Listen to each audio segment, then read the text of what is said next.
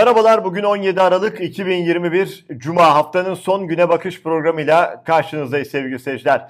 Merkez Bankası'ndan faiz kararı ve merakla beklenen asgari ücret açıklaması. iki önemli konu ama bu konuları rakam şöyle oldu Merkez Bankası da faizi şu kadar indirdi şeklinde elbette ki yapmayacağız. Her programda olduğu gibi yine hap şeklinde kısa, özet ama konunun her ayağına detaylı bir şekilde bakacağız. O asgari ücret neden yükseldi? Asgari ücretin yükselmesi vatandaşta bir rahatlamaya sebebiyet verecek mi? Yoksa, yoksasına bakacağız. Yorumlar var. Siyasi parti liderleri neler söyledi? Kısa kısa onlardan aktaracağız. Gazetecilerin, yine ekonomistlerin yorumlarına bakacağız ama önce isterseniz Merkez Bankası'nın o kararıyla tepki çeken kararıyla bir başlayalım. Burada bir haber var ve üstte de bir yorum var bir cümleden oluşan. Önce haber son dakika tabii düşmüştü sevgili seyirciler. Dün Merkez Bankası faizi düşürdü. Bir hafta vadeli repo ihale faiz oranı 100 bas puan indirildi. Şimdi bu şaşırtmadı. Neden şaşırtmadı? Çünkü Cumhurbaşkanı Recep Tayyip Erdoğan zaten bu yönde talimat vermişti. O yüzden de beklenen oldu. Merkez Bankası bağımsız bir kuruluş değil artık. Ne denirse, ne talimat verilirse onu yapıyorum. Burada önemli olan Profesör Doktor Savaş Genç'in yorumu. Bir cümlelik ama çok şey anlatan yorumu. Ne diyor? Bu planlı ve bilinçli bir iflas hamlesi. Muhalefet erken seçim için ülkeyi ayağa kaldırmalı. O kadar önemli, o kadar çarpıcı, o kadar dikkat çeken bir yorum ki sevgili seyirciler. Hani uzun süredir hep konuşuyoruz ya Erdoğan neden bile bile doların yükseleceğini bile bile müdahale ediyor. Dolarla ilgili konuşuyor, Merkez Bankası'na talimat veriyor. Erdoğan konuşuyor. Erdoğan konuşmaya başlarken döviz uçuşa geçiyor ve Türk lirası değer kaybetmeye devam ediyor. Soruyoruz ya bir ülkenin cumhurbaşkanı bunu bile bile yapar mı? Bunu olacağını bilerek bu açıklamayı yapar mı? Bu müdahaleyi yapar mı diyoruz ya. Evet demek ki her şey bile isteye planlı bir şekilde yapılıyor. Savaş Genç'in de yorumu bu şekilde. Bu planlı ve bilinçli bir iflas hamlesidir. Muhalefete düşense ortalığı ayağa kaldırmak ve ülkeyi bir şekilde erken seçime götürme kararını aldırmak en azından. Bakın Bir Gün Gazetesi de güzel bir özet geçmiş. Bu haberi geçtiğinde 16 Aralık 2021 saat 11.15'ti. Türk lirasının dünyadaki bazı para birimleri karşısındaki değeri karşılaştırılmış. 4.91 Gürcü larisi. Orada İngiliz sterlini dikkatimizi çekiyor. 20 TL'yi geçti sevgili seyirciler. Korkunç. Bulgar levası 8.77. Hani Edirne'ye akın akın Bulgarlar geliyor ya neden geliyorlar diye merak eden olursa işte Bulgar levası bile Türk lirası karşısında değerli. Avustralya doları 10.88, İsviçre frangı 16.42, sterlini söyledik 20,20, Kuveyt dinarı 50,14. Ve bir diğer önemli konu programı açarken de vurgulamıştım. Asgari ücret. Asgari ücret, yeni asgari ücret belirlendi. Bakın sonrasındaki yorumları da birlikte takip edelim. Cumhurbaşkanı Erdoğan 2022 yılı için asgari ücretin net 4250 TL olacağını açıkladı. Asgari ücret için işverenden artık gelir ve damga vergisi alınmayacak. CHP sözcüsü Faik Öztürk ne diyor? Beşli çeteye dolarla avroyla ihaleleri dağıtan Erdoğan iş emekçinin ücretini belirlemeye gelince bizim paramız bellidir o da Türk lirasıdır diyor. Aynı aydınlanmayı dolarla avroyla dağıttığınız ihalelerin Türk lirasına çevrilmesinde de bekliyoruz. Erdoğan'ın sebebi olduğu ekonomik kriz senenin başında 385 dolar olan asgari ücreti son zamma rağmen bugün 274 dolara indirdi. Emekçinin 111 doları Erdoğan yapımı krize heba edildi. Hala hep birlikte fedakarlıktan bahsediyor. Fedakarlık yapmak için beşli çeteniz önden buyursun. Gazeteci Merdan Yanardağ, Merkez Bankası Erdoğan'ın istediğine uyarak faizleri 100 bas puan daha düşürdü. Türk parasındaki çöküş hızlandı. Dolar öngörüleri aşarak 15 lirayı geçti. Liranın değer kaybı dikkate alınmadan 4250 lira büyük artış diye yutturulmak isteniyor. Oysa en az 5300 TL olmalıydı. Bir başka gazeteci Ahmet Akpolat doğru bir soru sormuş. Doğru bir yere vurgu yapmış. Diyor ki ben bir işveren olsam çalışanıma 5000 5500 TL vermem gerekiyorsa vermem. 4250 TL veririm, vergiden muaf olurum. Bu durum herkesi asgari ücrete mahkum edecek önemli bir detay. Kronos'tan aktaralım. Asgari ücret 2002'de asgari ücretle bir vatandaş 7 çeyrek altın alabiliyordu. Bugün sadece 3 çeyrek altın alabilecek duruma geldi.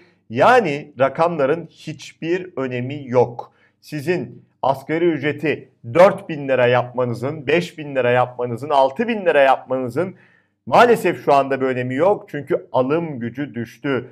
CHP milletvekili Gürsel Tekin gerçek tablo bu diyor.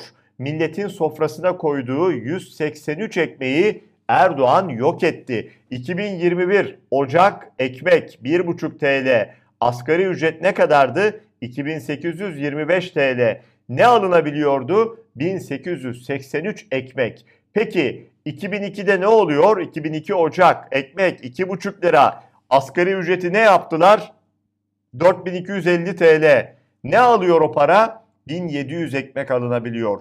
Aradaki ekmeğe ne oldu? Yani 183 ekmeği Erdoğan yok etti demiş Gürsel Tekin.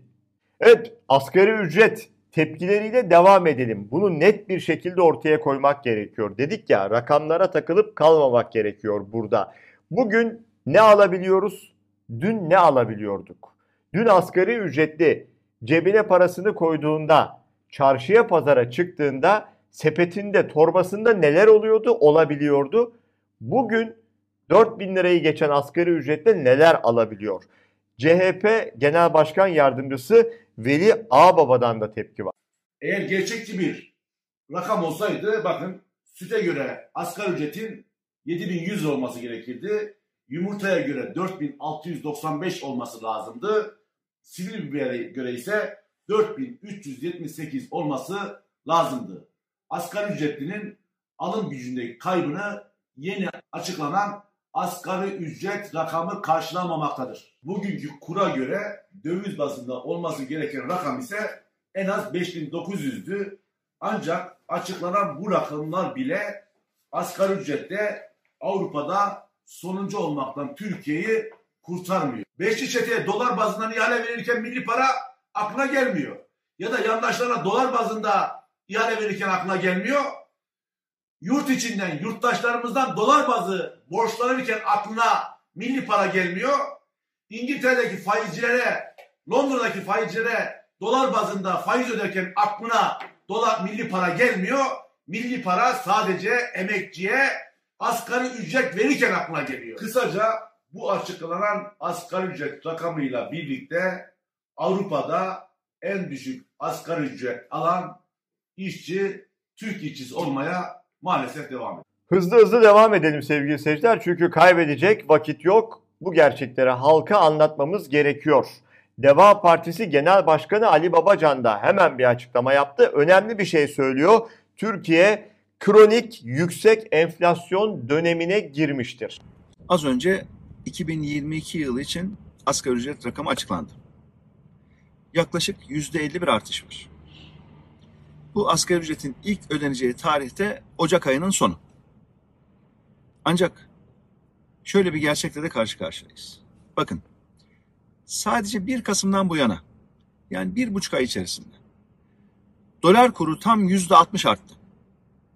Bu yüzde 60'lık kur artışı hemen Ocak, Şubat, Mart, Nisan aylarında yüksek enflasyon olarak tekrar vatandaşlarımızı etkileyecek. Yani Bugün açıklanan asgari ücret daha Ocak sonunda vatandaşlarımızın, işçilerimizin eline geçmeden erimeye başlayacak. Şu anda Türkiye üzülerek söylüyorum ki kronik yüksek enflasyon dönemine artık girmiştir. Bir tepki de Saadet Partisi Genel Başkanı Temel Karamollaoğlu'ndan geldi. 4250 lira hakikaten fena bir rakam değil. Ama vatandaş geçinemiyorsa 4250 değil 5250 olmasının da farkı olmaz. Mühim olanı bu asgari ücretle 4 kişilik bir ailenin kendi ihtiyacını karşılayabilmesidir. Bizim ısrarla söylediğimiz bir konu var. Asgari ücret açlık sınırında olamaz. Açlık sınırının altında hiç olamaz. Yani bir iktidar kendi insanına, üstelik de çalışan insanına sen çalışacaksın ama aldığın ücretle kusura bakma karnını bile doyuramayacaksın diyemez dememeli. Kaç olursa olsun ben rakamın üzerinde durmuyor. Peki ne olacak? Geçinebileceği kadar bir ücret olacak. Yeni asgari ücret zaten yoksulluk sınırının yanından bile geçmiyor, yaklaşmıyor bile. Açlık sınırının da altında maalesef sevgili seyirciler. Böyle bir tabloda işte Saadet Partisi lideri de ona vurgu yapıyor. Yoksa rakam belki kulağa hoş gelebilir 4200 lira oldu şeklinde.